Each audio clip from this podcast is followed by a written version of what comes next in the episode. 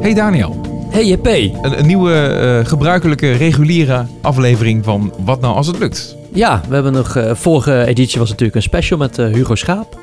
Ja. En het wordt weer tijd om nieuwe muziek uit te gaan lichten. Precies. En dat zijn ja, de meest uiteenlopende artiesten. we krijgen ook heel veel tips binnen. Dat is ook altijd wel leuk trouwens. Dus mocht je luisteren en denken van... joh, check dit even. Of misschien maak je zelf muziek. laat zeker even iets van je horen. Dat kan via de website onder andere. En dan, nou ja, misschien dan spreken we je dan in deze podcast. Kans is groot, ja. Zo is het ook gegaan voor, voor Joep, Joep Knols. Hij uh, ja, is singer-songwriter. Ja, zo wil ik hem eigenlijk bestempelen. Maar hij doet meer dan alleen dat. Uh, want je hoort in, soms, in sommige liedjes hoor je ook gewoon blazers er doorheen. En veel meer uitgebreidere arrangementen. Dus het is niet alleen maar een zanger met een gitaar wat dat betreft hele mooie liedjes die hij maakt. Ik ben benieuwd wat erachter zit. En we gaan met, kennis met hem maken. Ja. straks nog verderop in de uitzending iets heel anders, toch? Ja, heel anders. Een genre wat we eigenlijk nog niet behandeld hebben. jazz. Alleen is dit dan weer een buitencategorie. Want het is een beetje moeilijk om het in een hoekje te plaatsen. Je kan het gothic jazz noemen. Je kan het pop noir noemen. Je kan het art pop noemen. Dus in ieder geval redelijk aan de jazzkant. Maar met een behoorlijk duister randje toch wel. Ja, ja. Uh, en ook wel iets klassieks. Ja, het, het gaat alle kanten op. Uh, maar dat ga je in het uh, interview straks wel, wel horen met Petra, die de, zangeres, de frontvrouw is. Ja, ja de frontvrouw van de band waar het over gaat. En die heet Chablis. Maar is dus Joep Knols, zoals ik al zei. We gaan dadelijk met hem verder praten. Eerst muziek van hem. Dit is New Kind of Love. It's a simple and easy. At the start you fall in love. It's all hard like a feather dancing in the wind we flow.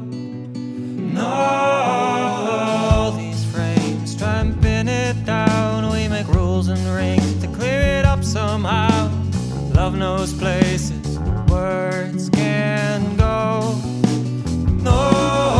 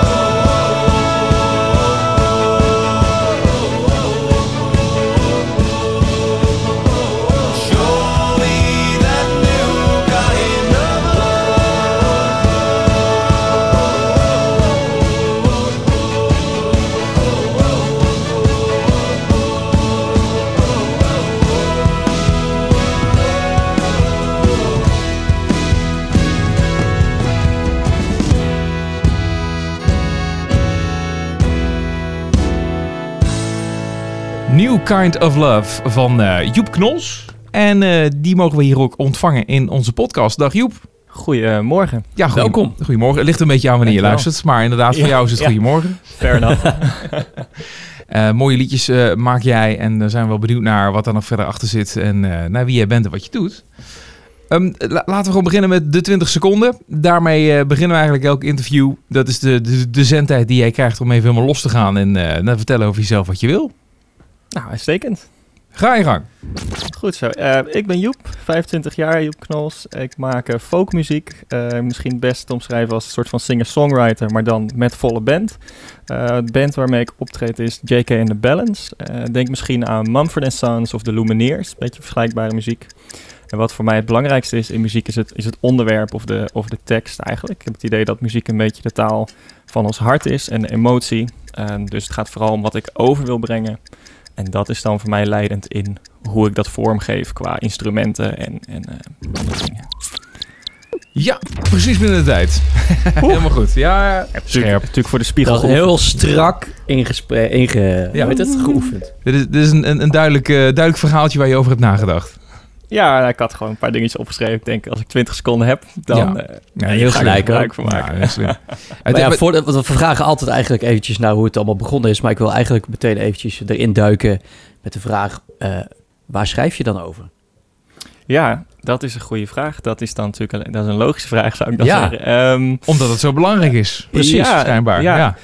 Nou ja, dat, maar dat varieert dan ook wel weer. Hè? Want het, het leven is natuurlijk ook heel variërend. En um, ik, uh, ik schrijf wel vooral over de dingen die natuurlijk emotioneel dan het, het, het grootst zijn of het heftigst. Dus dan kom je wel snel uit bij dingen als nou, de liefde. Ik heb ook over de dood geschreven. Um, maar ook vrolijke dingen, die zijn dan misschien weer wat simpeler. Maar die kunnen ook heel heftig of, of, of heel emotioneel zijn in ieder geval. Um, dus uh, nou ja, bijvoorbeeld mijn, mijn, mijn uh, tweede single laatst was uh, heet Daydreaming. Dus dat gaat gewoon een beetje over um, nou ja, lekker zitten en een beetje denken aan de toekomst. En ik vind dat altijd zelf een super fijn gevoel. Ik word daar lekker rustig van. En dan, nou ja, soms heb je dan momenten en dan denk je, ik ga hier gewoon een liedje over schrijven. Um, ja, het, het, grappige, dat is dan iets wat even in mij opkomt inderdaad. Want uh, hoe je het nu omschrijft in die 20 seconden is ook een beetje uh, nou, wat, je, wat je online over jou vindt. Dat is een beetje je bio, om het zo maar even te omschrijven. Hè. Dat, dat is waar jij jezelf even mee definieert. Maar tegelijkertijd is het ook wel redelijk breed. het is wel iets wat, wat ik van denk van ja, dat, dat ken ik op zich ook wel van, van andere artiesten of van andere singer-songwriters. Heb je het gevoel dat, dit dan, dat het dan heel iets unieks is wat je dan, wat je dan doet? Mm, nou ja, ja dat, is, dat is een goed punt. Ik denk aan de ene kant niet, hè, want wat ik zeg, muziek is, is misschien is dat hoe ik het omschrijf. Maar ik denk wel dat het voor meer mensen is een soort van taal van ons hart. Dus iedereen die muziek maakt is natuurlijk met emotie bezig. Ja, dat is een soort van, ja, dat is bijna universeel inderdaad. Ja. Absoluut, ja, klopt. Um, ik denk wat, wat voor mij dan... Um, uh, waarom ik mezelf daarmee profileer, of in ieder geval waarom ik denk dat het, dat het extra bij mij past op een bepaalde manier, is ik, nou we hadden het net kort over dat ik dus aan de universiteit werk en dat ik bij rechten werk, maar eigenlijk heb ik rechtsfilosofie gestudeerd. En um, filosofie is, is, is een, soort van tweede pijler in mijn leven, zou ik willen zeggen. Dus ik denk heel veel, heel veel na ook uh, over, over ethische dingen of over um, nou ja, gewoon, gewoon filosofische dingen. En Um, ik denk dat voor mij eh, dat die twee um, pijlers, dus filosofie en, en, muziek, een soort van elkaar in balans houden. Dus je hebt dat, dat rationele en het denken en uh, soms dan, dan loop ik daar een beetje in vast of dan denk ik gewoon heel veel over iets en dan is muziek voor mij de manier om, om daar wel mee om te gaan. Dus niet om het, om het weg te hoeven zetten, maar om er dan op een uh, wat, wat gevoeligere manier, dus iets meer met je, met je hart of met je emotie, uh, een draai aan te geven. En ik denk dat mijn, uh, ja, dus misschien op die manier dat, ja. het, dat het voor mij nog extra voelt als dat ik echt en kun je dan, kun je dan nodig heb. Mm. Dat je een voorbeeld kan noemen van, van echt iets, een filosofisch onderwerp waar je dan over zit te, te, ja. te filosoferen. En dat je denkt, van, nou, hier moet ik dat, daar moet ik muziek van maken. Ja, nou ja, ik kan, ik kan New Kind of Love gebruiken. Dat, uh, ja. dat is um, de, de title track van mijn, van mijn nieuwe EP. En dat is een nummer wat gaat over, uh, over, over liefde. Maar uh, waar het vooral om gaat is over het... Um, ja, als ik het heel zwaar zeg, het, het terugwinnen van, van de liefde van, eh, eh, van, van patronen en van sociale structuren en zo. Dus we, uh, we zitten heel erg in een, in een maatschappij waarin, waarin er één pad lijkt te zijn. Als je van iemand houdt, dan krijg je er een heel pakket bij. Dit is wat je moet doen. Dit is wat de regels zijn, want je houdt nu van elkaar. Ja. En ik, ik liep daar persoonlijk gewoon een beetje tegenaan dat ik dacht van ja, maar iedereen is uniek, dus elk mens is anders. En dat is iets waar we, waar we nu volgens mij enorm aan het achterkomen zijn met z'n allen. Hè. Dus je ziet heel erg dat iedereen zichzelf mag zijn. Maar als iedereen uniek is, dan is elke relatie ook uniek. Want dat zijn twee unieke mensen bij elkaar. Dus hoezo zou dan uh, elke relatie ineens in hetzelfde malletje kunnen passen? Interessante en daar, ja, ja nou daar ging, ik, daar ging ik over denken. En ook omdat ik dus persoonlijk daar een beetje tegenaan liep in mijn relatie. Dat, dat ik dacht van ja, maar eigenlijk hoeft dat helemaal niet. Eigenlijk kan je gewoon, als je met z'n tweeën van elkaar houdt, kan je dat invullen zoals je, zoals je dat zelf wil. Um, dus dat, is, dat was dan New Kind of Love. En dat uh, uh, de, de vrijheid om weer zonder voor, voorgebaande paden eigenlijk in te vullen wat je van elkaar wil en hoe je je liefde vorm wil geven. Ja. En, en, als je dan zo'n liedje schrijft, zoals New Kind of Love, uh, je hebt erover nagedacht en uh, je zit uh, met dat, nou het is een mooi onderwerp, want je, je bent erover aan het nadenken en daar wil je iets mee doen. Mm -hmm. Begint het bij jou dan altijd met tekst en daarna volgt de muziek? Want de tekst is belangrijker dan de muziek? Of, of heb je al een soort melodie in, in je hoofd? En vanuit daar ga je door? Dat, ja, dat is altijd een beetje wisselend. Dus soms dan Um, komt het ene eerst, soms komt het andere eerst. Uh, soms heb ik ook zelfs dat ik twee losse dingen, dus een stukje tekst en een stukje muziek, die ik dan apart van elkaar geschreven heb. En dat ik dan later ineens denk: hey, dit, dit past eigenlijk hartstikke goed bij elkaar. Um, ik denk dat over het algemeen dat ik eerst met, met tekst kom. In ieder geval met een idee. Vaak heb ik dan inderdaad een idee van, oh, hier wil ik wat over schrijven. En dan heb ik nog niet eens bijvoorbeeld het stukje, oh, het, het heet New Kind of Love. Of het gaat over New Kind of Love. Maar gewoon een soort van concept. Um, en dat, daar ga ik dan mee aan de slag. En dan kan het dus ook zijn dat ik met dat concept eerst een stukje muziek schrijf en daarna pas tekst. Uh, dus dat, dat wisselt een beetje, ja. Ja, Oké, nou wel leuk. Hey, en dan even terug uh, uh, de tijd in, als het ware. Wanneer, uh, ja, wat is eigenlijk jouw vroegste, vroegste muzikale herinnering? van dat ik zelf muziek maak of überhaupt vroegste ja, de, de, de, nou ja, wel natuurlijk een wat, wat nou, belangrijke moment waarbij je wel een soort van realisatie had van wauw, dit is muziek. En dat kan inderdaad zijn dat je zelf een instrument vasthield of, of, dat je iets hoorde om je heen. Ja, dat je ouders veel muziek draaiden thuis. Ja, mijn ouders draaiden op zich wel veel muziek. Um, ik denk ook wel dat dat, uh, dat dat me veel beïnvloed heeft. Ik ben wel zelf later pas begonnen. Um, mijn moeder had een, had een uh, uh, Spaans gitaar staan. En die heb ik een paar keer opgepakt toen ik wat jonger was. Maar dat is toch nooit echt van de grond gekomen. En op een gegeven moment was ik denk ik 16 of zo. En toen was er bij ons op school een, uh, zo'n ja, zo'n zo'n soort van uh, talentendag. Weet je, dat iedereen uh, van, van school kon zich inschrijven en iets doen. En toen ben ik eigenlijk met een, een vriend van mij die dat, die wou daar optreden. En ehm, nou ja, ik was toen af en toe gewoon een klein beetje bezig met, met gitaar spelen en, en, en zingen. En toen ehm, zijn we dat samen gaan doen. En dat was wel ook een moment waarop ik dacht: hé, hey, maar dit is als je, als je er meer tijd in stopt, is het eigenlijk echt hartstikke leuk. En uh, ik denk ook dat, kom ik weer een beetje bij die emotie, maar dat dat het moment is dat ik echt. Het bent natuurlijk puber. ja. En er gaat van alles door je heen en er gebeurt van alles. En, en dat, dat dat eigenlijk precies op het goede moment die uitlaatklep er kwam om dat dan allemaal vorm te geven of, of uh, om daar uiting aan te geven. Um, ik, ja, één specifiek moment zou ik moeilijk vinden. Misschien dus inderdaad dat, uh, ja, dat podium op, op, die, op die school. Ja. En was dat ook ja. een moment dat je wist van... oké, hier ga ik dus echt ook concreet uh, mee aan de slag? Dat je dacht van, nou, ik ga mijn uh, opleidingen die kant op, op zoeken, nee, weet je wel? Nee, nee, dat is echt veel later gekomen. Um, omdat ik... Um, omdat ik dus wat later begonnen ben, had ik uh, op het moment dat ik van de middelbare school afkwam echt niet nog de, de middelen of, of de, eh, de skills om daar serieuzer mee aan de slag te gaan. Dus toen ben ik eerst dus rechten gaan studeren. En dat, uh, in, in die periode heb ik mezelf wel heel, heel veel ontwikkeld qua op muziek. Uh, thuis gewoon. Maar dat is niet de minste opleiding. Dat is nogal een intensieve, toch? Ik bedoel, dat ja. rechten? Ja. Um, Veel lezen, nou, toch? dat is ook, ja, dat is wel een beetje een, een misvatting, zou ik zeggen. Um, het, is, het, is, ja, het is gewoon een, een universitaire opleiding, dus wat dat betreft is het wel, kost het wel tijd. Maar het is niet zo dat het uh, in vergelijking met andere studies uh, heel, veel, heel veel heftiger is. In mijn ervaring in ieder geval. Ik moet zeggen dat... Uh, dat ja, ik daar prima... Je had, je had nog genoeg tijd. Ruimte, ja, ik ja. had prima ruimte om daarnaast inderdaad uh, nog mijn eigen, mijn eigen muziek te maken. Oké. Um, en ik denk, eventjes, moet ik goed zeggen... dat een jaar of drie geleden dat ik dacht... toen had ik... Het, uh, ik, ik ben wel eigenlijk vanaf het moment dat ik begon met muziek maken... zelf gaan schrijven ook. En dat ik dan een jaar of drie geleden ergens dacht van... maar ik vind dat de dingen die ik nu maak... dat die op zo'n niveau zijn en zo... Um, nou ja, zo volwassen aan het worden zijn dat, dat het misschien ook wel leuk wordt om dat te gaan delen met mensen.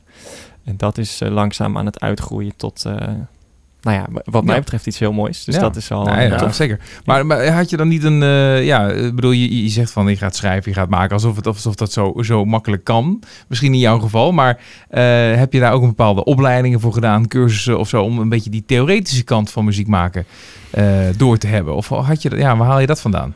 Ja, nou ja, ik, dat is, ik ben begonnen met, uh, met, met eigenlijk alleen maar YouTube-dingetjes. dus uh, wat ik zei, op mijn 16 ongeveer ben ik uh, gitaar gaan spelen en een jaartje later denk ik piano. Um, Allemaal dat, vanuit internet Ja, ja dat tutorials. is. Er ligt, er ligt een, een, een, schat aan informatie natuurlijk in, ja. het, in het internet en in Zeker. YouTube. Het, het, um, het enige wat ik op een gegeven moment wel ben gaan doen is zangles nemen. hoofdzakelijk omdat dat natuurlijk, dat zit aan de binnenkant. Dus je stem zit aan de binnenkant en iemand kan wel op YouTube YouTube voorzingen. Uh, maar het is heel moeilijk om dat te zien. Uh, en, en natuurlijk kun je bij een, bij een zangdocent die wel voor je staat, kun je dat ook niet zien. Maar dan krijg je wel feedback. En dat is natuurlijk het, het lastige van, um, van online, is je kan alleen maar zien en niemand ziet jou. Dus je krijgt nooit feedback. Nee. Uh, dus zangles ben ik wel gaan nemen. En ik heb op een gegeven moment ook een jaartje de vooropleiding van het conservatorium gedaan. Uh, dus dat is niet het conservatorium zelf, maar dan zit je een jaar, uh, elke zaterdag maak je dan muziek met en dan zit je ook in bandklasje en dan krijg je dus inderdaad ook wat theorie. En daar heb ik uiteindelijk wel een heleboel aan gehad, dus dat, uh, ja, ik zou dat absoluut wel aanraden aan mensen die daarover denken. Dat is echt heel tof. Maar nu heb ik, nee, ik heb geen conservatorium gedaan uiteindelijk. Ja, en, en wel de studie rechten. Uh, heb je daar nu nog wat aan? Of zie je daar, ja, zie je daar een toekomst voor in? Dat je daar nog iets mee, uh, mee kan doen? Omdat je ook wel heel serieus de stappen nu neemt op, de, op muzikaal gebied. Ja, ja, ik denk dat het, uh, dat het eventjes afwachten is wat, wat er gaat gebeuren met die twee. ik moet heel eerlijk zeggen dat als muziek, als dat echt uit gaat groeien tot iets waarmee ik mijn, mijn geld kan verdienen, dat dat absoluut mijn voorkeur heeft. Maar die kans is natuurlijk, uh, de, ja, dat is gewoon een, een, moeilijke wereld om binnen te komen en een, een moeilijke wereld om, uh, uh, om echt je geld mee te verdienen. voor nu staat het voor mij heel mooi naast elkaar. Um, en hoe dan ook denk ik dat, ja, dat rechten, dat ik heb dus de bachelorrechten gedaan, de master rechtsfilosofie. En ik denk vooral dat die master rechtsfilosofie mij dus ook als, als persoon heel erg gevormd heeft met het, nou ja, wat ik net zei, met het nadenken over over, over het leven. Dat deed ik sowieso al, maar dat heeft me een soort van de, de, de middelen gegeven om dat, uh, om dat op een prettige manier te doen. Dus dat heeft mij sowieso ontzettend veel gebracht. En zelfs als ik daar in mijn, in mijn werkende leven niks meer mee zou doen, dan ben ik absoluut hartstikke blij dat ik die, uh, dat ik die opleiding gedaan heb.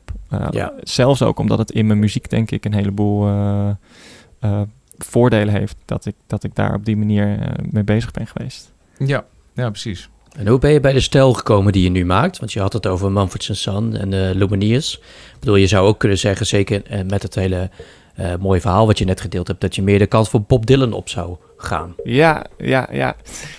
Um,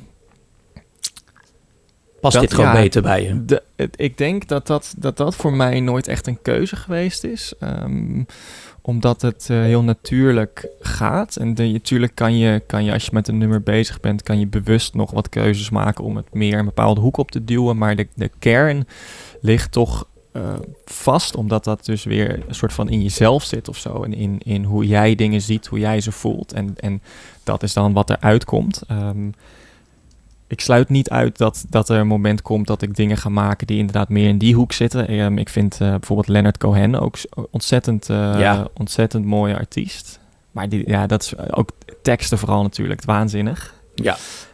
Um, en ik heb ook wel liedjes die, die wat kleiner blijven. Um, die uh, bijvoorbeeld alleen gitaar en piano zijn. En dan is het wel wat meer misschien een Bob Dylan-achtig. Dus dat, dat is zeker ook wel, um, wel aanwezig inderdaad. Maar ik denk ook vooral dat, dat, dat de nummers die wat, wat vrolijker zijn... of die wat hoopvoller zijn... ik probeer heel vaak hoopvolle dingen te maken dat die gewoon voor mijn gevoel wat meer nodig hebben. Wat meer energie of wat, wat drive. Ik, bijvoorbeeld de blazers die, uh, die nu op deze EP veel terugkomen. Ja. Dat vind ik gewoon een fantastische gevoel van, van hoop inderdaad. Dat, uh, ja, nee, dat, is zeker een leuke toevoeging moet ik zeggen. Dat viel mij ook op. En in Daydreaming komt het ook goed naar voren, toch? Ja, ja, daar zitten ze ook weer. Waar ja. we zo meteen mee afsluiten. Ja. Nee, dat, dat, dat, maakt het wel weer dat je inderdaad een stapje verder gaat dan, dan alleen maar de gitaar en de piano ja. per se. Nou ja, en uh, je, je speelt natuurlijk ook met een band. Dus dan komt het al, uh, dan, dan, dan, maak je het al wat groter. Dus dan snap ik de keuze al helemaal wel. Ja, ja ik, vind, uh, ik vind over het algemeen vind ik singer-songwriters best wel, best wel mooie dingen doen. Alleen voor mezelf ook vind ik de, de dynamiek in, in, in dat genre gewoon niet zo, niet zo groot. Hè? En als iemand één nummer speelt, dan, dan is dat natuurlijk niet erg, dan is dat prachtig.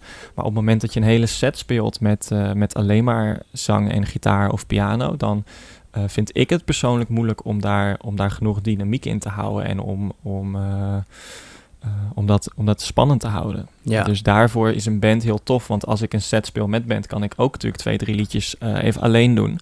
En dan heb je heel erg die, ja, die lijn daarin zitten. En dat vind ik heel, heel gaaf. Ja. Ja, want hoe zijn jullie bij elkaar gekomen? Uh, ik heb de, de, jongens waar ik nu mee speel uiteindelijk gewoon uh, gevraagd. Omdat, uh, omdat ik dus deze EP uitbracht. En ik had, daarvoor had ik twee singeltjes uitgebracht. Dat waren nog nummers die, waarvan ik dacht, nou dat kan ik zelf ook nog wel redelijk brengen. met deze EP inderdaad, met die blazers. En, en, en de drum is heel, heel prominent natuurlijk. Dus de, de, daar voelde ik gewoon dat ik niet meer in staat was om in mijn eentje die nummers live over te brengen.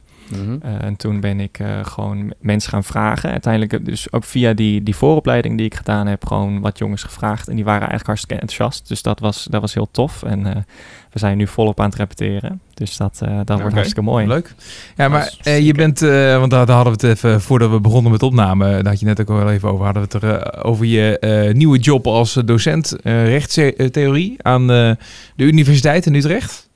Ja. Uh, de, gefeliciteerd met deze nieuwe dankjewel, baan. Dankjewel, Als je dat sinds uh, een paar maanden doet. Uh, maar ja, hoe is dat zo ontstaan? En heeft dat ook nog iets te maken misschien met de hele coronaperiode van de afgelopen anderhalf jaar? Um, nou, niet echt denk ik. Um, het, ik, ben, ik ben vorige zomer, een jaartje geleden, ben ik afgestudeerd pas. Dus dat is nog, was relatief vers. En toen had ik voor mezelf besloten om, um, om nog een halfjaartje even, even rustig aan te doen. En toen uh, ben ik gewoon uh, een, bijbaantje gaan doen. En in die tijd heb ik de, de nieuwe EP opgenomen. Uh, daar gaat gewoon een heleboel tijd en energie in stoppen. Dus toen vond ik het prettig om wat, wat losser baantje te hebben. En eigenlijk net toen die, toen die EP erop stond, toen werd ik gebeld door mijn scriptiebegeleidster van mijn master. Uh, ik had daar wel, daar heb je natuurlijk gesprekken mee over hoe het gaat. En maar ook wat, wat, uh, wat, gewoon wat gezellige gesprekken over wat je daarna misschien wil gaan doen. En toen heb ik wel eens laten vallen dat het me best leuk lijkt om les te geven. Dus toen was er een, een plekje en toen zei zij, nou ja, jij hebt dat wel eens laten vallen en ik moest aan jou denken. dus toen werd het me eigenlijk gewoon in mijn schoot geworpen. En twee weken later had ik een baan. dus dat, dat ja, ging ontzettend dat, soepel. Maar dat kan wel weer op het moment dat je met uh, je EP bezig bent. Dat dat, uh, het was dan net klaar, zeg je. Uh, en dan ga je hem naar buiten brengen. De, de, focus kan ook helemaal niet liggen op een nieuwe baan. Dat je denkt van, ja, maar daar ben ik eigenlijk helemaal niet, niet mee bezig. Ja, ja, nou, ik moet zeggen dat het, dat het aardig gelukt is om die twee te mixen. Ik ben heel benieuwd wat er komend jaar gaat gebeuren, omdat... Um, dus die EP was net opgenomen en uh, hij is eigenlijk pas uh, vorige maand uitgekomen. En nu, heb ik, nu zit ik net in, in een vakantieperiode bij de Unie, dus dat... dat wisselt elkaar heel mooi af. Ik ben inderdaad wel benieuwd um, ja, hoe lang het mogelijk is om die twee echt naast elkaar te laten bestaan. Ik werk in principe maar vier dagen bij de universiteit. Dus dan heb ik drie dagen om, om op te treden of aan promotie te doen. Um, voor nu werkt dat. Ja, ik, um, ik ben heel benieuwd hoe dat, hoe dat naast elkaar gaat bestaan. En, en misschien dat ik inderdaad op een gegeven moment beslis, als, als de muziek wat groter wordt, van nou ja, dan moet ik op het andere vlak een, eh, een stapje terug doen. Of uh, kijken wat, wat daar mogelijk is. Um, maar je zou het niet erg vinden om dat baantje te, te laten gaan om je dan nou, wel, te richten op, op de muziek. Ja, dat is een gok natuurlijk. Ik, ik zit hartstikke lekker daar. Ik vind de, de, collega's zijn leuk en het werk is leuk. Dus ik zit daar, ik zit daar helemaal goed. Uh, maar het kost wel gewoon veel tijd, ja. Um, dus, dus dat is altijd een afweging. Uh, de, Los van de, de, financiële zekerheid die je waarschijnlijk nou hebt. Ja, dat, uh, ja, ja en, en, en de middelen natuurlijk. Want het is wel gewoon een, een prettige baan en een goede baan. En, en zeker in dit stadium uh, kost mijn muziek me alleen nog maar geld. Dus dan is het ook fijn om een wat, wat grotere baan te hebben. Om, om daar wat meer middelen te hebben om, om, om promotie te doen en, en dingen op te nemen misschien. Dus dat is ook wel weer heel fijn. Uh, qua tijd is het een beetje jong leren. Dat, ja. dat, dat, zal altijd blijven. Maar in een ideaal situatie over een paar jaar. Uh, en, en je hebt waarschijnlijk wel een soort van plannetje in je hoofd. Van nou, als dit nou de stappen zijn die ik zou kunnen nemen. Dan gaat het de goede kant op. Hè? Dan heb ik het puur over je muziekcarrière. Ja. Uh, waar, waar ben je dan? Um, ik heb nu stiekem in mijn hoofd zitten dat ik volgend jaar mee ga doen met de popronde. Dus ik wil, uh, ik wil komend jaar dan uh, zoveel mogelijk spelen, proberen om deze EP te promoten. En uh, als alles dan helemaal soepel loopt met de band, dan wil ik me gewoon inschrijven voor de popronde. En dan in, in een helemaal ideaal scenario neem ik misschien nog één of twee singeltjes op van de winter. Die ik dan rond de popronde uit kan brengen. Zodat er ook nog wat, wat nieuwe, nieuwe frisse wind is voor, voor um, dat verhaal. Ja, en dan zou het fijn zijn als, het, uh, als er iets uh, echt een beetje gebeurt ergens, dat er iets doorkomt. Um, verder, verder dan dat uh, durf ik op dit moment nog niet te kijken. ja, um, heel voorzichtig. ja, ja. ja, ja, het is toch, het, het blijft ook, het genre wat ik, wat ik maak is, is natuurlijk ook niet het genre wat op dit moment heel groot is. Dat maakt het extra lastig om echt nou ja, door te breken, zou je bijna zeggen. Ja, en, of, uh, of het is ook dat er gewoon, dat er gewoon heel veel al uh, wordt gemaakt ook wel, hè, op een bepaalde manier. Absoluut. En dan chargeer ik het een ja. beetje. Dus iedereen doet natuurlijk wel zijn eigen ja. ding, maar het valt wel in een bepaald genre wat je ook wel weer veel hoort. En, en dat maakt het dat uh, het misschien ook wel moeilijk is om daar doorheen. en dat, dat, dat haakt ook een beetje in op waar we het in het begin van het gesprek over hadden. Hè? Wat, wat, wat maakt jou nou uniek? Wat, wat, wat, wat zorgt ervoor dat jij boven de rest uitsteekt? ja, dat zijn dingen die dan in één keer een rol spelen. Nou, en dat, daar, daar zou ik dan toch ook wel antwoord op, op durven geven. Is dat um, wat ik zelf uh, vind, is dat ik wel tussen uh, genres inval. En dat is in het begin vaak lastig, omdat je dan dus niet echt kunt zeggen: Oh, ik maak dit. Dus je komt bepaalde wegen, kun je makkelijk inkomen. Tegelijkertijd ben je wel fris. En wa wat, ik, wat ik daarmee dan bedoel, is dat ik een soort van. Dus omdat ik een beetje die singer-songwriter dingen doe met, met gitaren en piano's, maar ook wel met volle bezetting. Dus het is wel energiek en groot. Maar het is ook weer niet elektronisch. En, en dat is wat, wat de pop nu is, is vrij elektronisch en, ja. en uh, een beetje beats en dance. Uh, en daar val ik een beetje tussenin. Dus ik merk nu dat ik dan soms, dan, en dan stuur je dingen op naar een playlist en dan zeggen ze ja, het is niet poppy genoeg, het is niet elektronisch. Of, of dan stuur ik ze naar, naar een, uh, een singer-songwriter playlist en dan zeggen ze ja, het is te groot, het is te energiek. Ja, dus, dus val je, dan val je dan niet overal tussenin. Dan, ik bedoel, nee. het kan aan de ene kant uh, iets zijn wat jou uniek, uniek maakt, maar daardoor geeft, maakt het, het niet heel tastbaar. Want je, je valt overal een beetje in. En ook overal een beetje net niet. Ja, dat is, dat is een afweging. En um, ik, uh, dat is inderdaad in dit stadium lastig. Ik denk op de lange termijn dat het juist uh, in mijn voordeel uh, kan gaan werken. Want als je eenmaal ontdekt bent, dan ben je dus wel uniek en, en, en nieuw. tegelijkertijd is het voor mij ook iets waar ik gewoon niet echt concessies op kan doen. Omdat het dan dus weer uit mezelf komt. En als daar geen plek voor is, nou ja, dan uh, dan is dat zo. Dat zou jammer zijn, maar uh, dat is dan ook weer, dat is dan ook weer oké. Okay. En dan. Ja. Um... Ja, het, het, grappige is een beetje, en dat is uh, waar onze vorige aflevering ook over ging met Hugo Schaap hè, van 3FM. Hij is de ja. talent coordinator en die scout dus naar, juist naar artiesten zoals, zoals jij. om, nou, bij wijze van spreken, dat duwtje in de rug te geven wat ze vanuit 3FM doen. En, en één, één groot belangrijk ding wat hij daarbij dan ook aanhaalde, is, en, en waar, waar hij dus ook gevoelig voor is eigenlijk, is het verhaal. Is het verhaal van die artiest. Uh, dus dus ja, hoe presenteer je jezelf en, uh, en, en op welke manier doe je dat? Uh, dat zijn dus schijnbaar iets, iets, toch iets heel belangrijks. En social media speelt erin een rol. alle andere uitingen die je kunt hebben, zeg maar even nog los van de muziek zelf. om op die manier ja, op te vallen dus. En dat, ik vond wel opvallend, want dat betekent dat, dat, ja, dat legt best wel een, een hoge lat ook wel weer. Hè? Want dan, dan is het dus meer dan, uh, dan alleen maar even wat, wat liedjes maken, om het zo maar even gek te zeggen. Maar je moet echt een soort, je moet een soort van plan hebben. Een soort van idee van wie jij bent en wat je doet. En daarna ook nog eens een keer een soort van uniek in zijn. Ja. Lastig hoor. Absoluut. Ja, maar toch, ik bedoel, je kan ook zeggen, Joep, dat je, uh, omdat je overal tussen valt, dat je gewoon een nieuw genre hebt gecreëerd. Zo kan je het ook insteken. nou, zover zou ik nog niet willen gaan. ja, toch? Maar, Pak je hem gewoon op die manier. Wel, ja, absoluut. Nou ja, het is, het is natuurlijk als je, als je denkt aan bijvoorbeeld grote artiesten nu, um, die, die hebben allemaal een bepaalde plek in je hoofd. Die hebben allemaal een imago. Die worden inderdaad geprofileerd op een bepaalde manier. En dat is, dat is wat zo'n label wil doen. Is je, je wil niet gewoon een liedje uitbrengen. Je wil, je wil een persoon neerzetten. Iets wat mensen onthouden en wat ze zeggen, oh, dat is, dat is die en die. En de, die zit een beetje in die hoek of die zit een beetje in die hoek. En het staat dat staat, uh, nou, het staat niet los van de muziek die je maakt, maar het, het, het staat er echt naast. En dat is, ik, snap, ik snap absoluut dat ze dat willen. En um, nou ja, wat dan. Ja, betreft, het is ook een beetje marktwerking waarschijnlijk. Op een gegeven moment merk je gewoon ja. van dat zijn dingen die dan nodig zijn om uh, ja, een doelgroep te bereiken. ja, het is. Het, ja, dit is een stukje marketing bijna, weet je wel. En dat is altijd een lastig woord om dat in combinatie met iets creatiefs te noemen. maar ja, dat hoort er dan toch wel weer bij. Ja, dat is, dat is de eeuwige paradox inderdaad in, in, in dit soort werelden. Met, met alle kunst natuurlijk is aan de ene kant wil je iets maken wat, wat oprecht is en wat uit je hart komt. En tegelijkertijd wil je dat, uh, dat heel veel mensen het horen omdat je er trots op bent. En, en dan is dus de vraag, wat voor, wat voor concessies wil je, ben je bereid om Ja, uh, of ook, ook inderdaad van wat is dan hetgene wat, dan, uh, wat je dan zo wil uiten. Hè? Dus dingen die jij zegt dus van nou, emoties, bepaalde dingen die jou bezighouden, waar je over nadenkt, waar je over filosofeert. dat, dat je dat doet, zeg maar, dat is natuurlijk heel goed. Um, maar ja, dat is dan toch weer de vraag van wat zijn dan weer die dingen? Wat jou dan uniek maakt, weet je wel? Dat, uh, ik heb daar niet zo het antwoord op hoor. dat is voor de nee, nee. Maar, dat, is, dat, dat, is, dat zijn de dingen die je dan dus concreet naar buiten brengt.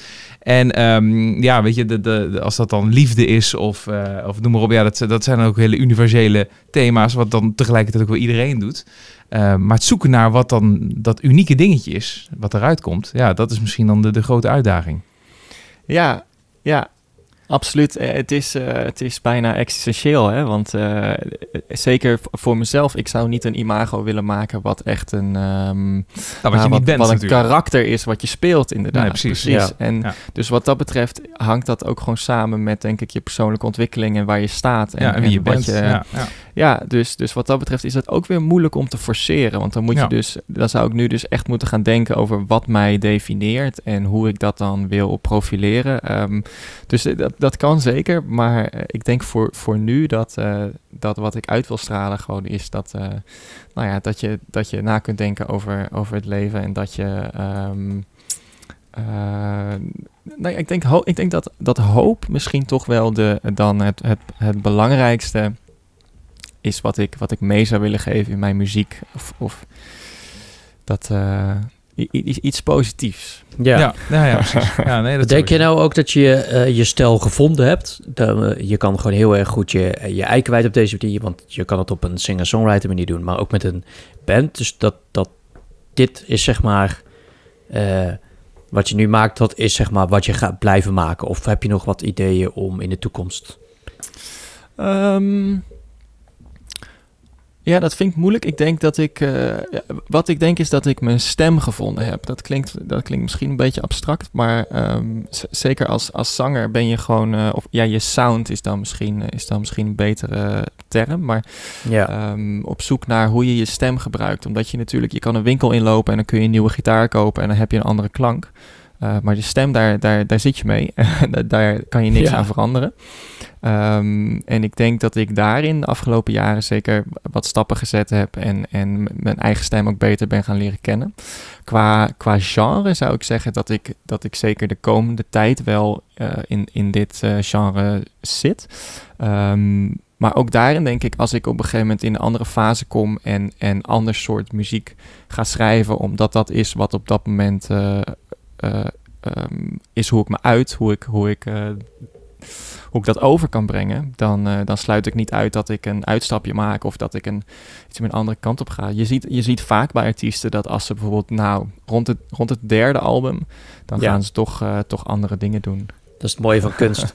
Absoluut, ja, dat is absoluut heel mooi. Zou er, een, eh, zou er een artiest zijn in Nederland met wie je zou willen samenwerken? Heb je daar nog een eh, echt een grote naam bij waarbij je denkt van, nou, dat zou een fantastische, een fantastische combinatie kunnen zijn? Ehm poeh. Ik moet heel eerlijk zeggen dat ik niet zoveel Nederlandse muziek eh, eh, luister. Ik vind in Nederland, ja, ja, Kensington is heel vet. Raccoon vind ik ook over het algemeen wel heel tof. Maar als je, als je me vraagt met wie ik wil samenwerken, dan zou ik absoluut Paolo Nutini zeggen. Ja. Ehm, die, die is helaas eh, al heel lang eh, van de radar verdwenen. Dus mijn, eh, mijn tweede doel is om, om zo bekend te worden en zo goed te worden met muziek... dat ik hem gewoon een bericht kan sturen met... Paulo, Ja. tijd is op, kom terug, we gaan een nummer maken. Ja, want dat is, ja, precies. De, die begon ook met hele makkelijke popliedjes, met new shoes en dat soort dingen. En als je dan die laatste plaat luistert, dat is ongelooflijk. Ja, ja, New Shoes is ook wel een klein beetje een vreemde eend in, in de bijt bij hem, volgens mij hoor. Dat is gewoon ontzettend goed gevallen. Maar zijn Ja. eerste platen zijn echt heel erg, eh, nou, nog meer folk dan wat ik maak. Echt, echt een beetje de kamermuziek bijna. Of dat- Echt dat, dat, eh, dat Schotse waar, waar hij vandaan komt. En nu, in dat laatste album is, is wat meer, eh, ja, poppy zou ik niet willen zeggen, maar het is wel wat toegankelijker.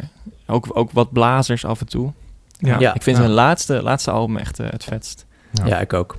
Nou, leuk. Nou ja, misschien gaat dat ooit nog een keer gebeuren, Joep. Eh, ik hoop dat dat, eh, dat dat zeker gaat gebeuren. En eh, nou ja, laten we afsluiten. Dat doen we met, met Daydreaming. Ook jouw single van je EP.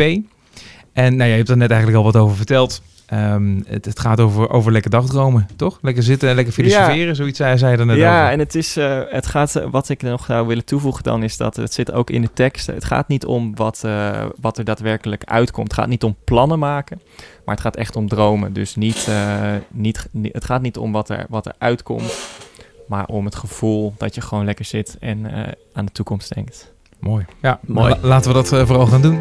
Eh Joep, Goed zo. dankjewel. En eh, Daydreaming, die gaan we nu draaien. Succes met alles, hè? Dankjewel, jullie ook bedankt.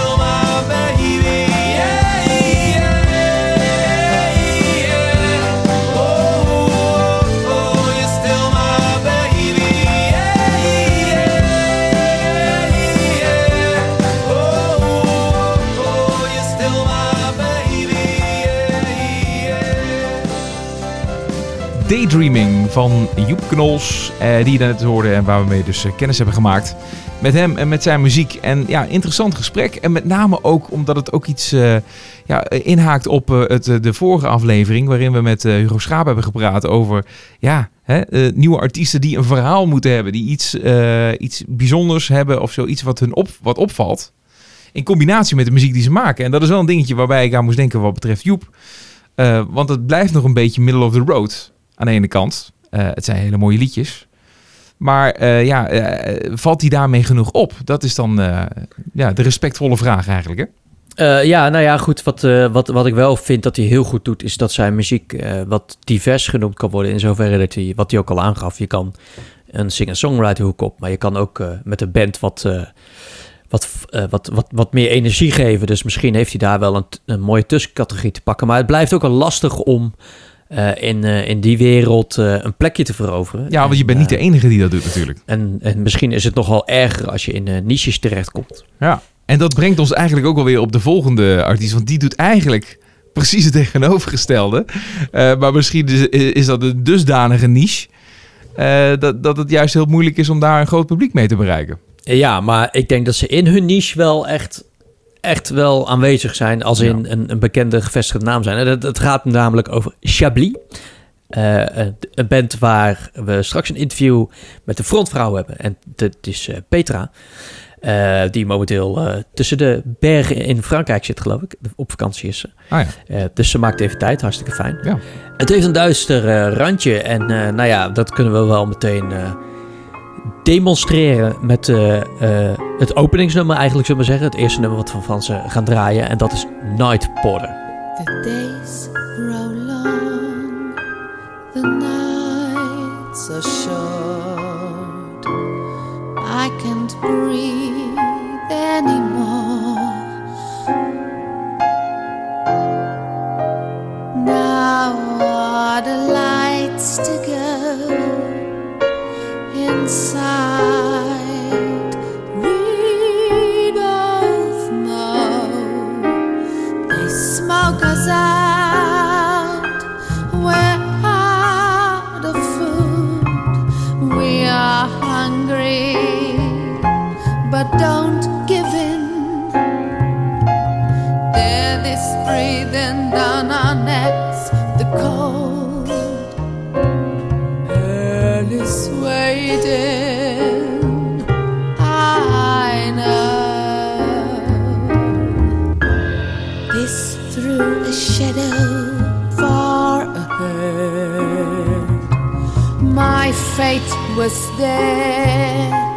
When I met you,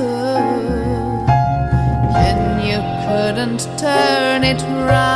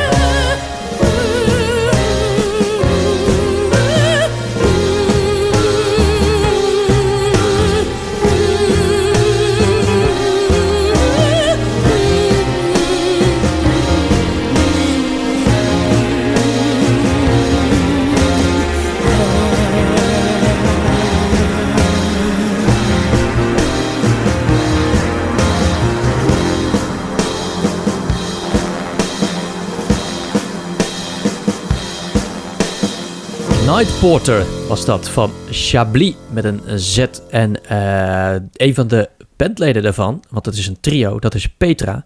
Eh, Petra die hebben we nu live in de verbinding vanuit haar vakantieadres. Ergens tussen de bergen in Frankrijk, dat klopt toch? Ja, heuvels hoor. Heuvels. is Noord-Frankrijk.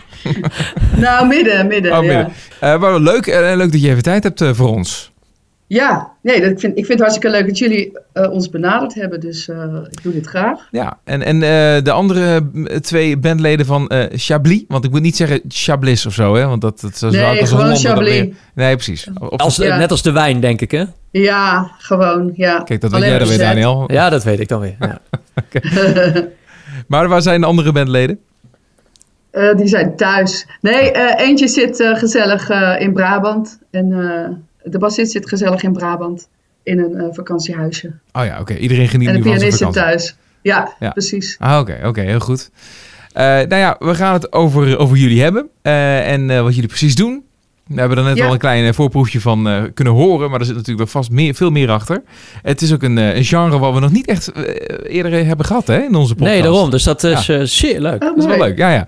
Eh, maar goed, eh, misschien eerst even de 20 seconden voor jou, eh, Petra. Eh, gebruik die, brand los, vertel wat over jezelf en wat jullie doen. En wij Ja. houden onze mond dicht. Super. Ga je gang. Oké. Tessa Rose Jackson gaf Nico een hand die koffie dronk met David Bowie voordat hij lunchte met Nick Cave. Die borrelde met Kate Bush, geflankeerd met Nina Hagen, die aan tafel zat met Ima Sumak en Ute Lemper. Waarna ze doorzakte met Ian Curtis en Melanie Safka. En toen een concert bezochten van Beach House en Brian Eno na afloop, zakte ze door met Lydia Lunch, Angelo Badalamenti en Screaming Jay Hawkins. Waarna ze ontbeten met Scott Walker.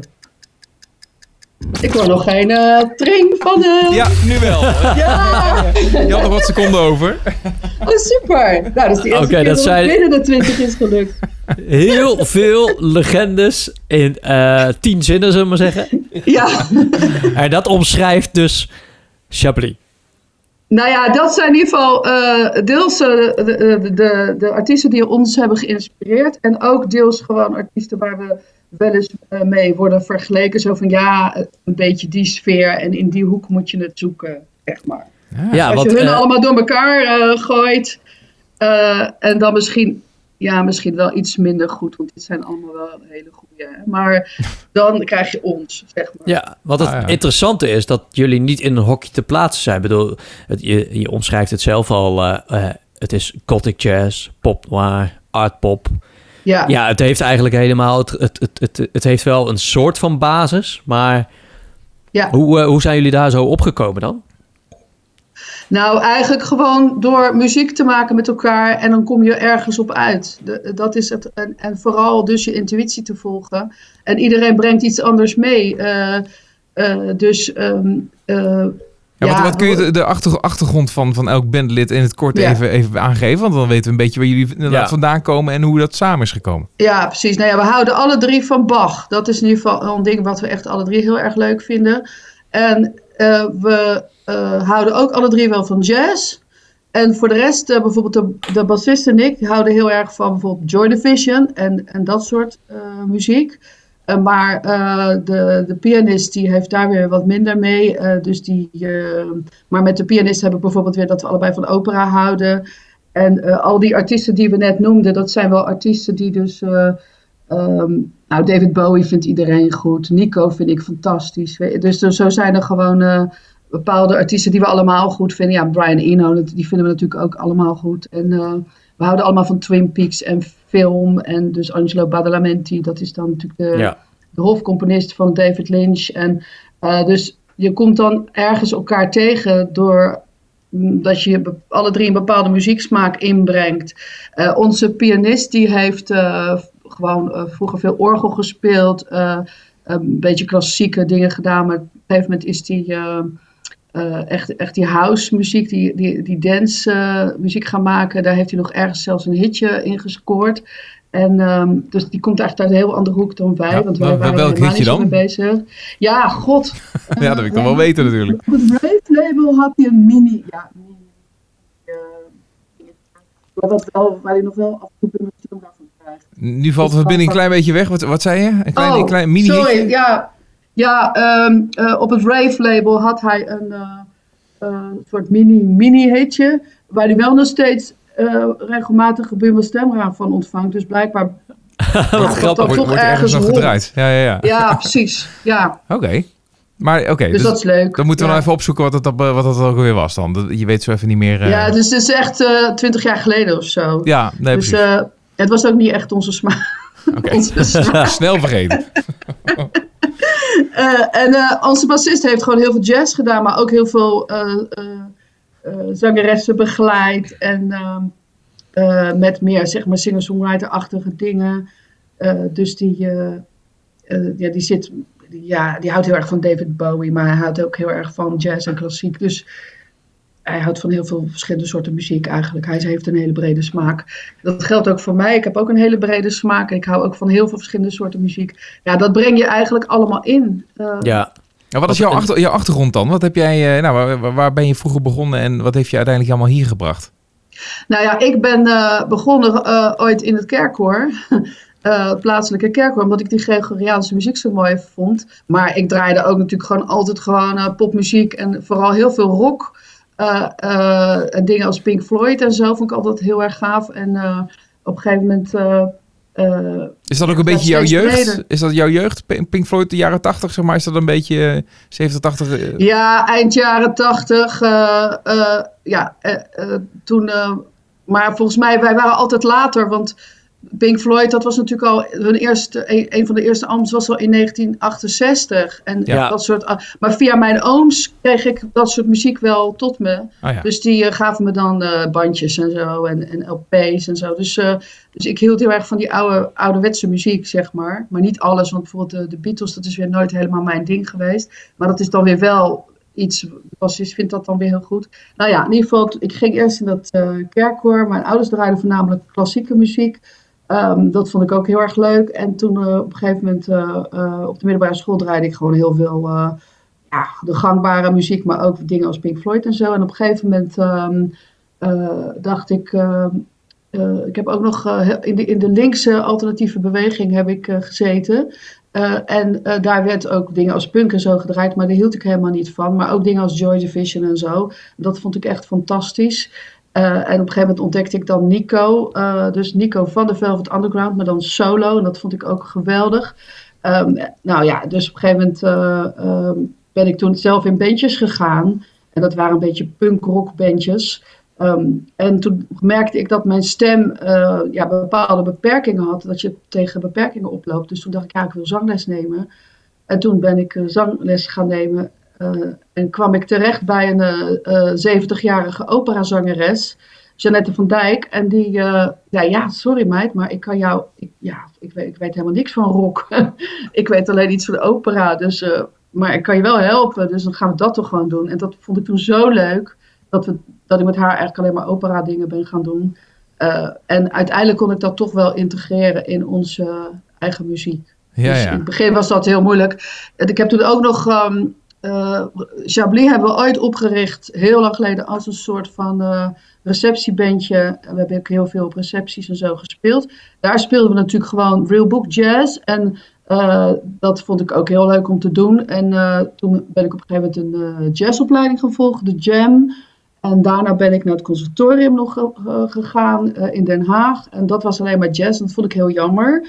Uh, maar de popacademie bestond toen nog niet. Dus dat kon niet. Um, nou ja, dus um, anders had ik dat waarschijnlijk gedaan. De rockacademie. Uh, maar goed, dat, dus dan maar jazz, weet je wel. Wat ik ook heel leuk vond hoor, trouwens. Niet dat ik dat niet leuk vond of zo. Maar ik vind eigenlijk, omdat ik al die muziekstromingen heel leuk vind... proberen we het een beetje te integreren. Ja, We kunnen ja. niet kiezen, zeg ja, maar. Nee, inderdaad. Je doet echt heel veel dingen op, inderdaad, door de jaren heen. Dus die uh, op ja. pad zijn gekomen. Waar, waar je allemaal iets mee hebt of niet. En nou ja, dat, dat toch heeft dat uiteindelijk iets gedestilleerd tot wat jullie nu maken. Ja, precies. Ja, maar maar ja, je, je, je komt ook niet echt net pas om de hoek kijken. Dat is ook wel duidelijk. Klopt, klopt. Maar we zitten natuurlijk al heel lang in de underground, in het underground circuit. Omdat ja. we natuurlijk niet echt heel toegankelijke muziek maken. En uh, ja, dat heeft ook nog deels te maken, denk ik, met mijn stem. Want ik ben contra-alt en dat is ook niet zo'n toegankelijke stem. De meeste mensen houden meer van iets hogere stemmen. Die, uh, ja, wat, ja, ja, bepaald soort stemmen, zeg maar, zijn in de mode. En mijn stem hoort daar ook niet bij. Dus, eh, en, en die muziek natuurlijk ook. Dus eh, het is echt voor de liefhebbers. Ja, Ja. knap hoor. Het, het is inderdaad een heel typerend geluid ook. Het maakt je wel heel erg herkenbaar en uniek. Ja. En het, het, het heeft een Ja. beetje een, een donkere, eh, een donkere ondertoon. Hè? Je noemt het ook Ja. wel eens eh, gothic jazz, zie ik hier. En ja, dat Ja. is ook wel een mooie benaming inderdaad. Ik moet eerlijk zeggen dat, dat je, je dat niet vaak hoort. Maar het, Nee. het geeft wel weer de, de stijl aan. En dan ook in combinatie met die donkere kant. Waar jouw stem dus ook heel erg aan bijdraagt. Ja, precies. Omdat ik een beetje donkere stem heb, eh, inderdaad. Ja, ja. Door dat lage, zeg maar. Ja. En je bent je er zelf dan ook heel erg van bewust dat je dus in zo'n soort van niche zit. Hè? Dat het toch een beetje voor de liefhebbers is. ja. Vind je, dat, vind je dat genoeg? Of hebben jullie zoiets van, ja maar wacht even, we willen eigenlijk willen we bruggen slaan. En we willen ervoor zorgen dat dit gewoon, weet je wel, breder eh, en overal bij meerdere mensen binnenkomt. Ja, dat is altijd binnen de band ook ehm, een verschil geweest. Eh, ik, ik ben het meest ambitieus op dat, wat dat betreft, zeg maar, naar buiten toe. We zijn allemaal ambitieus qua kwaliteit van de muziek hoor. Dus dat, dat, dat, hebben we alle drie. Eh, van dat het zo goed mogelijk moet zijn en dat soort dingen. Maar ehm, eh, qua van iets in de maatschappij bereiken, zeg maar, daar heb ik geloof ik het meeste behoefte aan. Eh, en de anderen hebben daar minder behoefte aan. eh, de andere twee. En hoe ga je Eh, daarmee om? Wat, wat doe je daaraan? Nou ja, eh, Dus sowieso- Ja, dus ik bedoel vooral Ja. wat, wat- jij graag wil. Hè? Dat, je dus, dat, je, dat je dus breder wil wegzetten.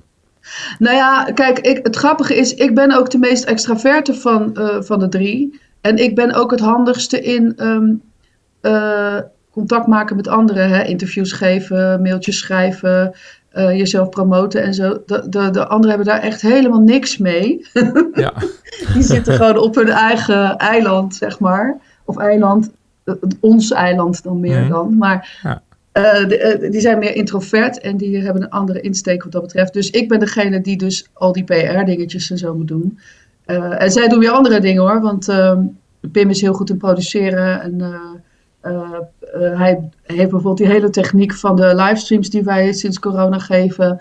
eh, dat heeft hij helemaal op zich genomen en hij kan dat ook heel erg goed. Ik ben echt hartstikke aap-technisch, dus ik eh, snap dat allemaal niet. Met produceren help, help ik altijd wel inhoudelijk, omdat ik natuurlijk wel goede oren heb. Dus ik hoor wel hoe het moet klinken, maar aan welke knop je dan moet draaien, zeg maar, dat weet hij dan weer. Zeg maar, dat is een beetje hoe het... eh, Ja, en nou hij, ja, is trouwens, en hij heeft ook hele goede oren aan zijn hoofd, natuurlijk. Ja. Sorry? Ja.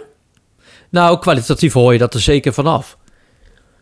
Ja. Dat het allemaal Ja, eh, op een hoog niveau geproduceerd is. Ja, maar, maar, maar en dan en even terugkomend op dat, dat je dus eh, nou ja, een, een, een wat niche eh, genre maakt. Eh, in hoeverre ja, vind je dat, is dat ook een realistisch doel? Want je, hè, je zet dat voor jezelf als, nou ja, het zou mooi zijn als we natuurlijk eh, wat, wat groter, een breder publiek kunnen aanspreken. ja. Ehm, ja, dat, dat- dat is natuurlijk ook een, ja, een van de doelen die je hebt, hè, de ambities die, je- die je hebt dan, jij in het bijzonder.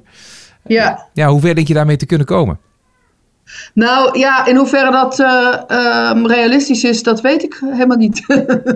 Eh, want ehm, ja, je kan wel iets willen, maar of dat realistisch is wat je wil, ja, dat, dat is Ja, maar dat is vaak, een moeilijke vraag. dat, dat is vaak met dromen en ambities en zo. Natuurlijk. Ja. dat- Nou ja, En- en- zoverre. En dan gaat het vooral proberen, ga het vooral doen inderdaad. Maar ja, Ja. je, je, weet, je loopt al een tijdje mee, dus je, je weet een beetje de obstakels waar je tegenaan loopt. Ja, zeker. Ja. Eh, het, maar het is heel moeilijk om te determineren waar het precies aan ligt. Want er zijn altijd meerdere factoren. En welke, welke factor is dan de doorslaggevende factor? Ehm, bijvoorbeeld, eh, eh, eh, vrouwen hebben nu een beetje tijd mee. Dat is natuurlijk heel lang anders geweest. Dus dat Ja. zou nu positief kunnen werken. En dat zou ook meegespeeld kunnen hebben in het feit dat wij, bedoel, dat was natuurlijk nooit de enige reden. Want wat jullie al zeggen, het is nou ook niet echt de meest toegankelijke muziek die we maken. Maar eh, het zou ook een rolletje hebben kunnen meegespeeld in eh, het feit dat we tot nu toe in die underground zaten. Ja, nee, tuurlijk. Je bereikt Ja. zeker een, een doelgroep hoor. Zo bedoel ik het niet hoor. Het is niet Ja. dat, het, eh, dat niemand dit leuk vindt. maar Nee, tuurlijk, nee, tuurlijk. ja, we- we- Ik snap je. ja, Ja, nee, ik zie het ook niet als. Nee, precies. Ik begrijp. Nee, dus het is heel moeilijk. Er zijn zoveel factoren. Ehm, wij, wij willen. Dat ook, ik, ja, misschien ben ik gewoon niet zo handig in die PR. Kan ook, hè. Ik doe het wel. En ik doe mijn best. Eh, ehm, maar er zijn natuurlijk ook mensen die, zijn, eh, die hebben er nog meer tijd voor dan ik. Ik heb ook nog een gezin. Eh, ik moet ook nog boterhammen verdienen. Ehm, Ja. Dus. Dat is, Ja. Dus dat is alweer minder tijd. Ik ben ook wel eens moe s'avonds. Dan wil ik gewoon een film kijken. Weet je wel? Ja, ja. Nou ja, weet je wat het is? Als je eh, gewoon het op, de, op de website bijvoorbeeld kijkt of gewoon eh, op het eh, internet eh, browst. Ik bedoel, de reviews liggen er niet om. Bedoel, eh, Ja. eh, Ja, jullie hebben klopt. echt wel hele mooie in het, eh, in, eh, van muziektijdschriften tot eh, de andere blogs. Nou, jullie hebben ook al eh, een, een tour gedaan die buiten de Nederlandse landgrenzen gaat. ja twee. ja. Eh, Ja, dus- zes zelfs. Maar ja, ja. Precies. Dus het is een beetje de vraag. Eh, eh, dus, en je zit in een bepaalde niche. Dus de vraag is eigenlijk meer: is dit dan zo voldoende? En vind je dat je, eh, of wil je er nog meer uithalen? Of wil je nog een groter publiek proberen te bereiken? Ja, nou ja, wat ik zeg, ik zou het wel willen. Maar eh, de vraag is of inderdaad wat jij zegt, of dat realistisch is. Nou, in principe is, Ja. is het antwoord is eigenlijk ja, dat, dat wil je Ja. graag, hè? Toch? Ja, Ja, ja. we- los van of het nou gaat, gaat lukken of niet. Ja, daar gaat deze hele podcast over. nee, Maar dat, precies. dat, eh, dat, dat moet dan nog wel blijken. Maar het begint in ieder geval met de ambitie en de doelstelling van... ja, dat willen we gewoon gaan doen. Maar het, het interessante is ook wel inderdaad die tour die je dan hebt gedaan. Hè? Eh, Of toeren, dus hè? je hebt er meer eh, tours, toeren. Nou ja, Ja, in ieder geval tours, meerdere tours. tours. Eh, ja, dus, dus hoe ging dat precies? Want dan heb je het over New York, eh, Amerika dus. Eh, ik zie België staan, Boekarest, Roemenië. Ja, hoe, hoe is Ja. dat ontstaan? Ja, nou, ehm, eh, Roemenië, het begon met Roemenië, met Boekarest. Ehm, wij zijn één keer uitgenodigd. Eigenlijk, eh, ja, best- er was een bureautje, goed, best wel lang geleden, ik weet even niet hoe dat bureautje heette. Het bureautje bestaat ook niet meer. Die, eh, die, had gewoon ons uitge- eh, nee, die hadden ons uitgekozen. Ehm, die mensen in Boekarest die zochten een, een bandje, een leuk bandje. En die vonden ons leuk, dus die Ja. hebben ons toen Maar dan heb je het gewoon over, over één, gehaald. één optreden dus? Of heb je er vervolgens meerdere gehad in dat, Dat, land? waren toen, dat was toen eerst 24 uur met twee optredens volgens mij. En eh, dat was super gaaf.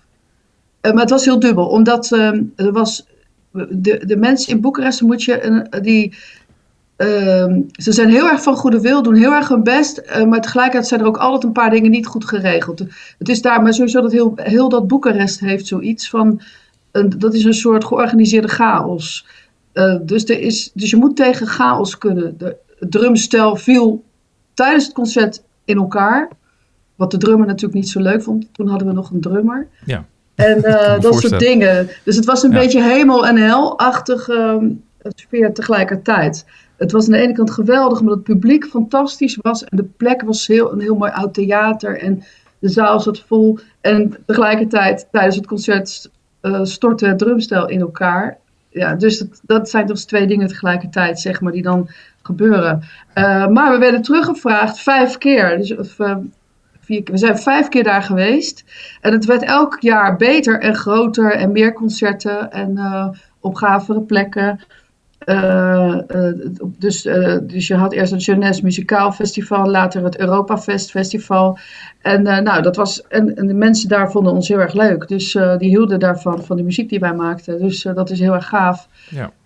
Dus dat was echt heel erg leuk. Dus we zijn een aantal jaar gewoon, bijna elk jaar gingen we daarheen. Een weekje. Dus dat is Mooi, superleuk. ja. Eh, mooie, Ja, mooie ervaring. ja.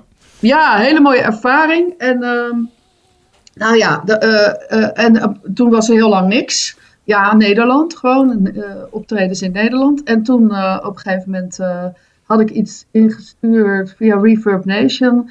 En je had dus ehm, de Real Radio Zender in, in, in New York. En die, die man die belde mij op van ja, ik wil jullie heel graag hier hebben in mijn radioprogramma. Of ons radioprogramma van de Real Radio Show. Eh, en daar had ook, je hebt een hele goede rap, Nederlandse rapper. Die bijna een soort dichter is. God, hoe heet het? Brain, Brain, Brainpower. Weet je dat? Brainpower. Die was daar ook geweest. Precies. Ja, Brainpower. Die was er ook geweest. En eh, ik dacht, nou leuk. Eh, wij gaan daar ook. En eh een hele aardige man. Super aardige man. Ehm, bleek dus toen we daar waren. En we hadden dus een toertje eromheen geboekt. Nou, dat is ook gelukt. En eh, met gewoon wat optreden in cafés in New York. Eh, dus we hadden gewoon een leuk weekje New York op die manier. Ja, eh, wat, wat goed. Ja. Ja, mooie, superleuk. mooie ervaringen zijn het. het is een hele Ja. mooie ervaring. Ja. En eh, het was ook goed voor de band spirit, zeg maar. De team spirit, eh, om samen zoiets te kunnen doen. Dat was heel erg leuk. En we hebben er ook wel een paar leuke contacten aan overgehouden, die nog steeds wel naar onze luisteren kijken. En zo. Dus, Hey, even, want we gaan een klein beetje van hak op de tak, heb ik Ja. het eh, gevoel. Maar eh, ja, dat ligt aan mij. even terug Dat naar je... joh. En dat maakt allemaal niet uit. Even terug naar je muziek, hè. Want dat is, eh, eh, voordat we dadelijk echt gewoon ver over de tijd heen gaan. ja. Eh, maar eh, want dat wil ik ook nog wel even weten. Want, waar gaat het eigenlijk over? Het, is, het heeft een wat donkere ondertoon. Dat hoor je aan heel veel dingen. Is het ook, Ja. eh, is het ook heel donker? Ja, het is wel een beetje donker. Eh, kijk, wij zijn eigenlijk alle drie hele gezellige mensen. Je kan ook best wel met ons lachen. Volgens mij ook. ik- dat gevoel heb ik ja. ook als ik Ja, jou dat, hoor. ja, Ja, ja, ja. ik denk dat het een leuk, ge- gezellige avond in de krok is in ieder geval. Ja, wij hebben het echt, wij zijn echt wel, wij hebben het echt wel gezellig met elkaar. We maken altijd grapjes met elkaar en zo. Dus dat, dat is het grappige. Terwijl die muziek van ons eh, best wel eh, donker is. Maar waar schrijf je dan over dan? Eh, over, eh, nou ja, ten eerste, wij hebben dus, de helft van onze band is al overleden. Dat, dat, daar hebben we ook over geschreven, daar hebben we ook nummers over gemaakt. Daar zijn we eigenlijk nog veel te jong voor, weet je wel. Om eh, al, eh, Ja. om, eh, al je, je halve band, dat je halve band dood is, zeg maar. Maar hoe bedoel je dat nou dan? Hoe is dat? Is dat ja, kun je er iets, iets meer over vertellen? Is dat... eh, ja, eh, nou ja, kan dat is dat? dus ook weer heel, heel onze eh, eerste pianist, die is dus eh, die is voor een trein gesprongen. Eh, en die was ook, eh, ja, die had ook last van, van depressies en, en zo. En die, eh, eh, eigenlijk met hem was ook dat hele duistere, dat zat er bij hem ook altijd heel erg in, dat duistere gevoel, zeg maar. Hij kon dat heel goed ook in die muziek leggen. Dus dat is bij hem ook begonnen, Jan Kees. Ehm, dus in die zin zijn we hem ook nog steeds wel schatplichtig, eh, omdat hij, met hem hebben we dat ingezet, dat pad, zeg maar Ja. dat donkere pad. En dat klopt ook wel met zijn leven, zeg maar. Ehm, eh, nou, dus dat was heel knap. Hij had daarin iets, hij kon dat heel goed vertalen in muziek, wat weinig mensen eh, op die manier kunnen. Wat dat betreft is het ook heel tragisch dat hij er niet meer is, want ja, dan is ook dat talent van hem weg, zeg ja. maar. Eh, nou ja, en, en, en onze drummer, onze eerste drummer, die is aan de drank geraakt en die is dus eigenlijk daaraan overleden, want die kreeg een maagbloeding door de alcohol en die is daaraan overleden. Dus die, eh, dat was ook heel eh, voor ons wel redelijk traumatisch, omdat wij, eh, de, ba de bassist en ik, die hebben hem natuurlijk ja, langzaam ten, ten onder zien gaan aan de drank. Ja. En het probleem is dan dat je dan jezelf ook schuldig, schuldig voelt en ehm, ook zelf denken, oh hadden we niet dit moeten doen of hadden we niet dat moeten doen om te voorkomen dat, dat Ja, die, weet je wel. Dus dat, dat, dat eh, Maar is dat ook een, eh, inspiratie geweest dus voor, voor het schrijven van de muziek die, je- die, nu, die je nu maakt? Ja, we, eh, hebben eh, een goede vriendin van ons, ehm Kat zelf, die eh, heeft een videoclip gemaakt van een liedje van ons, een lied van ons, eh, When Simon School. En dat gaat eh, over ehm, onze drummer. Eh, eh, dus dat, dat gaat echt daarover. Ehm en eh, een ander lied eh, op ons tweede album, ehm, eh, The Silence, dat gaat eh, weer over Jan Kees. Dus Ja, we hebben ja. ook wel twee, ieder, ze hebben allebei een lied gekregen. Zeg Ja. maar. ja, dat is het minste wat we kunnen doen. Hè? Dat, ja. Ja. precies. Ja. Dat, nou ja, logisch dat dat, dat natuurlijk ook eh, een sobere en eh, een heftige ondertoon heeft natuurlijk. Eh, Ja. Het liedje wat we bijvoorbeeld net hebben gedraaid, Night Porter, is, is, is- zit daar ook iets donkers in? Jazeker. Uh, alleen dat is. Wij zijn ook film, filmliefhebbers, alle drie. Eh, en, maar dit is echt een hele heftige film hoor. Dat, een van de heftigste films die ik ooit heb gezien. En dat is eh, dus The Night Porter van Liliane Cavani. Eh, dat is een film uit de 70s. Ehm, dat is eigenlijk niet voor de tere kinderziel, zeg maar. Oké, bestemd, die ik, ik heb het niet eh, gezien. Jij wel, eh, Daniel? Ken? Nee, ik, eh, Nee, ik- maar eh, ik heb hem nu op mijn lijstje gezet. Ja, eh, Ja, het is een hele goede film. Je moet ervan houden. Maar het- toen ik die film had gezien, toen ehm, in die tijd, eh, vlak daarna, eh, ging, eh, kwam onze pianist die we toen hadden. Die andere pianist was dat, die, die, was, die stond in de file. En dus ging Marcel, onze bassist, achter de piano zitten om de tijd te doden. En die speelde dit opeens. Ik dacht- En ik dacht, oh, dit is echt heel goed. Dus ik zette zo mijn, opneemapparaatje aan. En eh, want ik dacht, dit is echt heel goed. En ik ging er een beetje op, op zingen, wat op zingen. En dat werd Night Porter. En toen kwam er later thuis, heb ik dan die tekst geschreven. Dus dat, dat is... En ik had die film dus net gezien. Dus En dan Eh, schrijf je over de film of wat? ja. eh, Ja, dus dit, dat gaat echt over de film The Night Porter. ja, ja, ja. oké. Echt over het verhaal. Heb je, ja, dat heb je gebruikt in, in je liedje. Oké. Ja, Ja. Hey, en, en we gaan dan zo afsluiten met, eh, met Breakfast. Daar ben ik dan ook wel benieuwd naar wat daar dan achter zit. Ja, nou ja, dat is een beetje jammer. Kijk, ehm, ik heb heel erg getwijfeld of ik Breakfast zou laten horen of een ander nummer. Oh. Breakfast nou, hebben we namelijk niet zelf geschreven. Wij schrijven nu, ja, tegenwoordig is het al 90% of zo, eh, wat we zelf schrijven. En 10% eh, Nou ja, we kunnen ook iets Ja, anders covers. draaien hoor. Het is wa- wat jij wil. Ja, wat jij nee, wil. maar weet je, Breakfast is gewoon. Dat is misschien, kijk, eh, eh, dat is gewoon zo goed. A, het is zo'n goed nummer. Ik wou dat ik het zelf had geschreven. Het is gewoon een beetje. Maar oké, wa- waar gaat het dan over? Ik bedoel, B, eh, eh, oh wacht, ja, zeg ik zo. B, eh, eh, eh, B, het is gewoon heel goed gelukt, weet je wel. Eh, het is beter Ja. gelukt dan sommige van onze eigen nummers. Dus daarom wilde ik hem ook laten horen. Ook al hebben we hem niet zelf geschreven. dat, dat maakt helemaal eh, niet uit. Jullie hebben het wel, nee. wel, wel opgenomen. Maar het alternatief Ja. zou dan zijn geweest in de Flash. En waar gaat die dan over? Ja, dat is eh, over een eh, vreselijk misverstand tussen, mannen, tussen een man en een vrouw. Eh, die is trouwens geschreven. De tekst is geschreven door onze vorige pianist. Ehm, eh, ja, dat is een heel tragisch verhaal over mannelijke seksualiteit. Oké. Ja, Ja, dat, weet, ik, Flash. weet ik nog steeds niet wat, wat, wat je nou precies daarmee bedoelt. wat, wat is dat dan? Eh, nou ja, dat, die vrouw die ervaart het echt als, ehm, als eh, seksueel geweld. En die man die bedoelde het helemaal niet zo. Oké. Dus het is echt heel heftig. Heel heftig. Ja. Het- maar goed, we gaan, we gaan toch afsluiten met Breakfast, hè? Want eh, dan, dan Ja, toch- die is gewoon Ja. nog beter gelukt dan in de Flash. Ja. En waar gaat dat over? Over een gestrande liefde. Ja, Gewoon een gestrande liefde. ja. Lekker, even normaal. Ja. Gewoon, weet je wel. Oh, een mislukte liefdesaffaire. De liefdesorus. Ja, Ja, goed. Eh, leuk. Nou ja, laten we daarbij afsluiten. Pedro, wat, Ja. wat- het is heel leuk om met jou, eh, jou te praten. Het gaat Ja. echt, eh, ik heb We, ontzettend we veel kunnen nog wel uren doorgaan. ja ik vond het ook heel gezellig, moet ik zeggen. Ik vind het heel leuk. Petra, dankjewel en veel succes. Dankjewel, jullie ook heel veel, heel erg bedankt. Fijne vakantie nog, hè? Dankjewel, jullie een fijne zomer.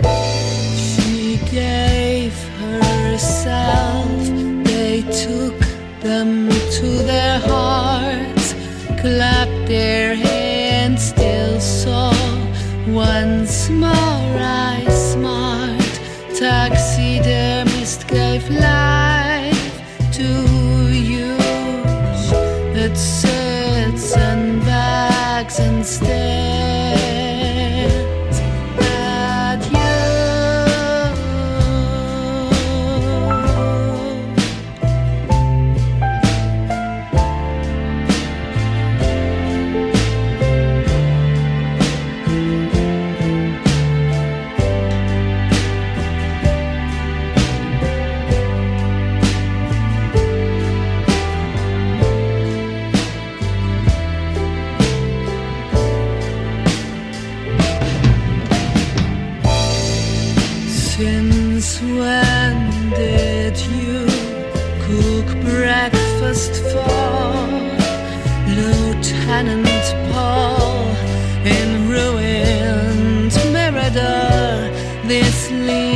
sun.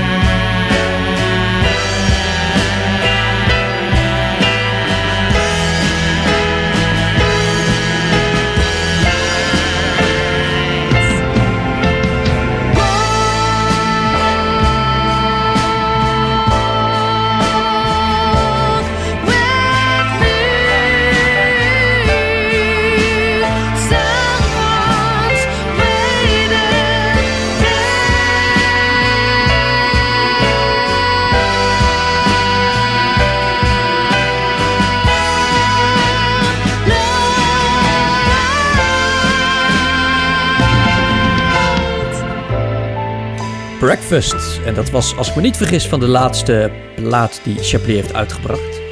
Eh, maar het staat allemaal op Spotify, dus check dat vooral eh, eventjes. Ik moet zeggen dat ik eh, veel informatie heb ontvangen na, Ja. in dit interview. Het is ook vooral het enthousiasme wat je hoort in de stem van Petra en wat ze vertelt en hoe ze erover vertelt. Ja, En, geweldig. Ja, ja nee, dat, het, is, het is duidelijk dat de muziek leeft binnen dit trio. En dat ze al heel wat hebben meegemaakt. Dus ze weten ook echt wel waar ze het over hebben. En eh, nou, ik ben heel benieuwd waar, waar ze nog verder mee komen. En of het nog doorontwikkelt naar iets, ja, iets voor een nog groter publiek. Wat stiekem toch wel de droom is van Petra. Ja, ik kan wel zeggen in ieder geval, want je hoorde natuurlijk al dat, dat ze wat langer bezig zijn en veel hebben meegemaakt. Het zijn wel echt rasmuzikanten, hè? Dat, Ja. dat hoor je wel echt aan alles af. Precies, nou en daarvoor hoorde je iemand die eigenlijk nog een beetje in de beginfase zit van zijn artiestenbestaan, Joep Knols. En eh, ook met hem eh, kennis kunnen maken. Eh, die eh, een heel andere stijl liedjes maakt, maar toch ook, ook weer de ambitie heeft om dat grote publiek te bereiken. Ja. Zeer zeker. Mooi. Mocht je luisteren en denk je van jongens, zeker nog even deze en deze artiesten checken. Eh, tips zijn welkom natuurlijk. Zeker. Wat nou als het lukt.nl is je adres. Laat daar even een berichtje achter via de... Wat heb je daar? Een soort contactformulier geloof ik hè? Ja, maar je mag ook gewoon ons eventjes op Instagram zoeken op wat nou als het lukt.nl of wat nou als het lukt is het dan. Eh, of ga naar Jan-Paul Grotetraast of Daniel van Haren en slide in onze DM's. We vinden het allemaal helemaal goed. nou Daniel, eh, ik zeg tot de volgende. Ja, tot de volgende.